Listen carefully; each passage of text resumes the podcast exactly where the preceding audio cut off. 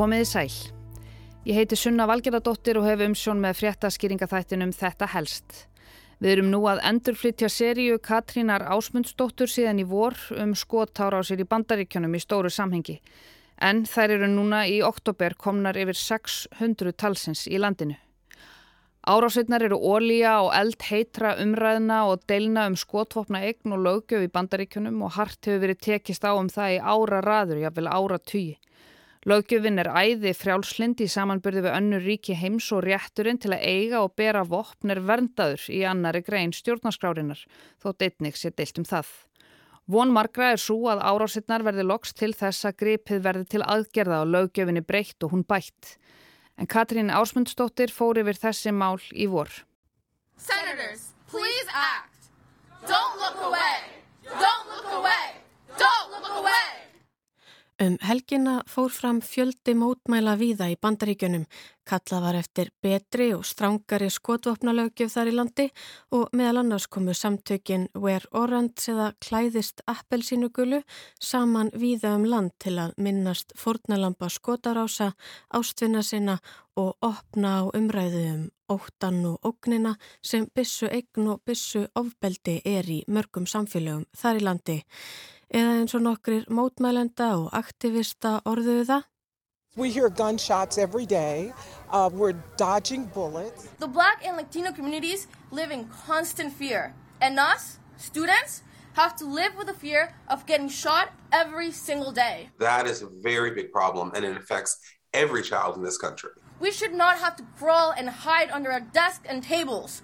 We should not have to worry if we're going to make it out of school alive that day. Við heyrum skotkvelli og reynum að forðast bissukúlur á hverjum degi, sagði meðlimur samtakana Wear Orange. Samfélög svartra og rómanskra búa við stöðuan óta og við nefendur þurfum að lifa við þann óta að verða fyrir skotárás á hverjum degi. Þetta er risastórt vandamál sem hefur áhrif á hvert einasta barn í þessu landi, sagði Calvin Dark, aktivisti og skólastjóri. Við ættum ekki þurfa að skrýða á gólfinu og fél okkur á bakvið skrifborðið að undir skólaborðum. Við ættum ekki að þurfa að hafa áhyggjur af því hvort við komumst lifandi í gegnum skóladaginn, sagði Ati Ósadolor á mótmælum nefnda í Washingtonum helgina. En skotarásir eru engin nýjungi bandaríkunum og krafa um aðgerðir gegn þeim ekki heldur. Þrátt fyrir langa og stranga baráttu mótmælenda í áraraðir eru skot árásir ársins komnar yfir 200 í bandaríkjunum. 110 bandaríkjumenn látast í skot árásum eða af skot sárum á hverjum einasta degi. Kostnaðurinn við bissofbeldi í bandaríkjunum er um 10 miljardar bandaríkjadala á ári samkvæmt rannsóknum eða rúmlega 12.000 miljardar íslenskra króna. Raunar eru skotsár líklegasta dánarósök barna í bandaríkjunum. Samkvæmt rannsókn New England Journal of Medicine letust rúmlega 4300 börn þar í landi af skotárásum árið 2020. Næst algengasta dánarósökin eru bílslis. Og það er vegna þessa sem svo ótrúlega margir bandaríkja menn telja að skotvopn, skotvopna eign og auðvelt aðgengi að vopnum sé vandamálið. Hert skotvopnalaugjöf sé því lausnin eða eins og Calvin Dark aktivisti og skólastjóri benti á. It's accessibility and they live in homes where guns are available and so I think that that is what's fueling it. Guns are just so readily available. Þá er auðvelt aðgengi að skotvopnum vandamálið og þetta hafa demokrater lengi benta á og barist fyrir því að hömlur verði settar á aðgengi með lögum. Hert verði á skotvopnalögjöfinni en baróttan hefur ekki borið mikinn árangur. Joe Biden bandaríkjafórseti er eitt þeirra sem berjast fyrir breytingum og hann segir að ekki megi gefast upp í baróttunni fyrir hertri skotvopnalögjöf. I've been in this fight for a long time. I know how hard it is. But I'll never give up. And if Congress fails, I believe this time a majority of the American people won't give up either. I believe the majority of you will act to turn your outrage into making this issue central to your vote. Enough, enough, enough. Hann trúi því að í þetta sinnmunni ameríska þjóðin ekki gefast upp, ekki heldur þótt bandaríkjaþing bregðist, heldur gera skotofnalaugifina að leiðaljósi í næstu kostningum, segja hingað og ekki lengra með atkvæði sínu. En nú sé hins vegar komið að þinginu að aðhafast. Það krefjist þó stuðnings þingmanna republikana. This time we have to take the time to do something. And this time it's time for the Senate to do something. But as we know, in order to do any, get anything done in the Senate, we need a minimum of 10 Republican senators. But my God, the fact that the majority of the Senate Republicans don't want any of these proposals even to be debated or come up for a vote, I find unconscionable. We can't fail the American people again. Fæstir republikanar vilji yfir höfuð ræða þessi mál og þeir vilji ekki einu svoni kjósum þau en nú megi stjórnvöld ekki bræðast þjóðinni enn á ný, sagði fósettin. Og það er ólíklegt að hann hafi rámt fyrir sér ef markam á allt sem á undan er gengið. Republikanar telja ekki þörfu að breyta skotvapnalöggefinni eða herða og takmarka reglur um skotvapna eign og aðgengiða skotvapnum en það er það ekki vandamálið, heldur fólk og mannvonska ílska, morðingjar.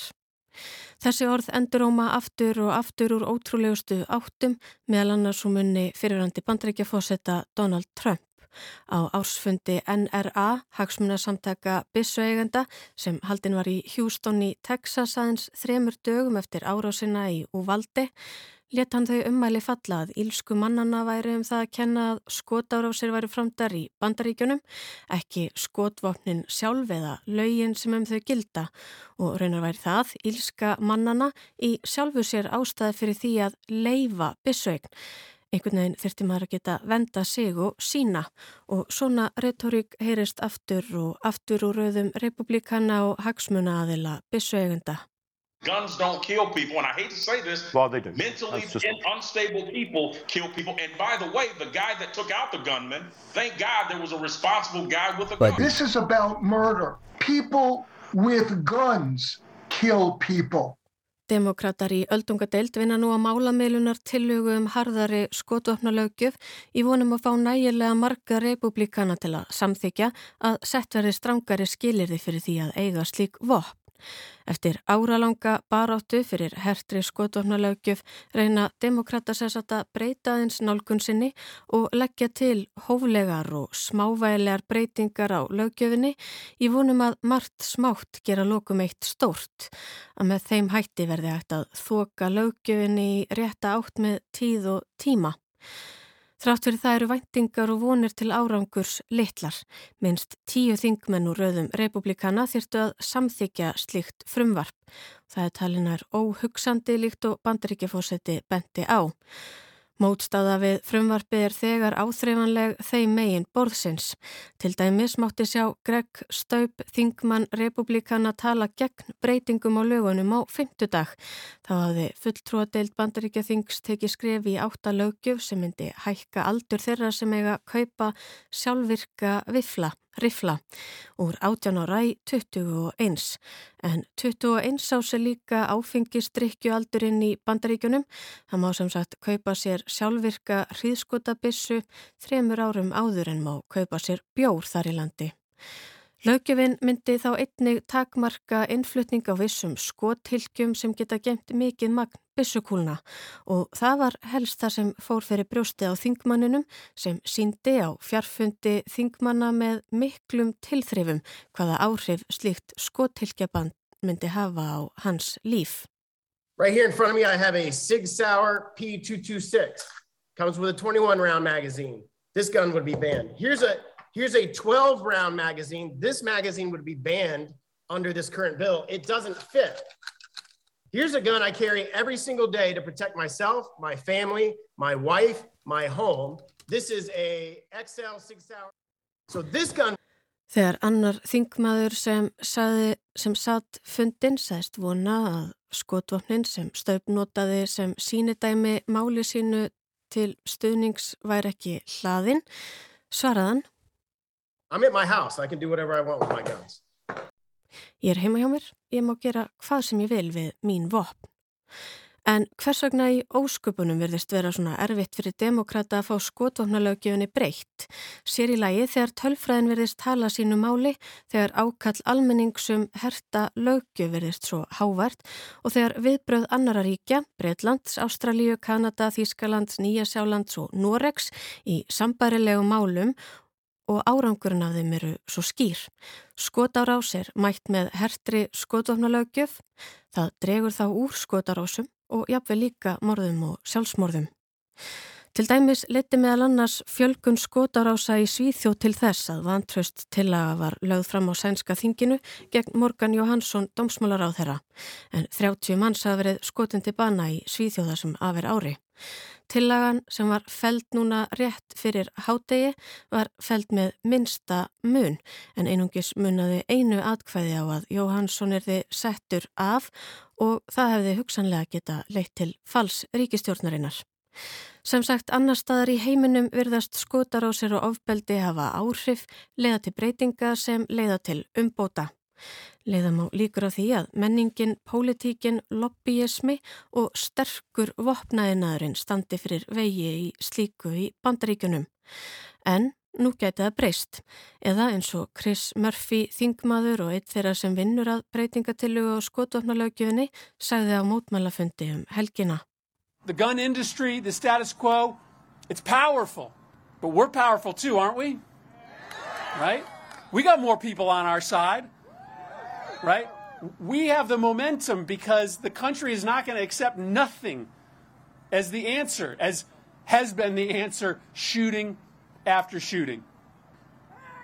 This country cannot look away as our schools and our neighborhoods become killing fields. We are in Vopna yðnaðurinn er valda mikill eins og staðan er en við erum það líka.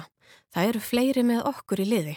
Þjóðin mun ekki lengur sætta sig við að fá ekki svör, engar aðgerðir skotarás eftir skotarás. Þjóðin getur ekki lengur litið undan þegar skólanir okkar og hverfin verða að orustu völlum.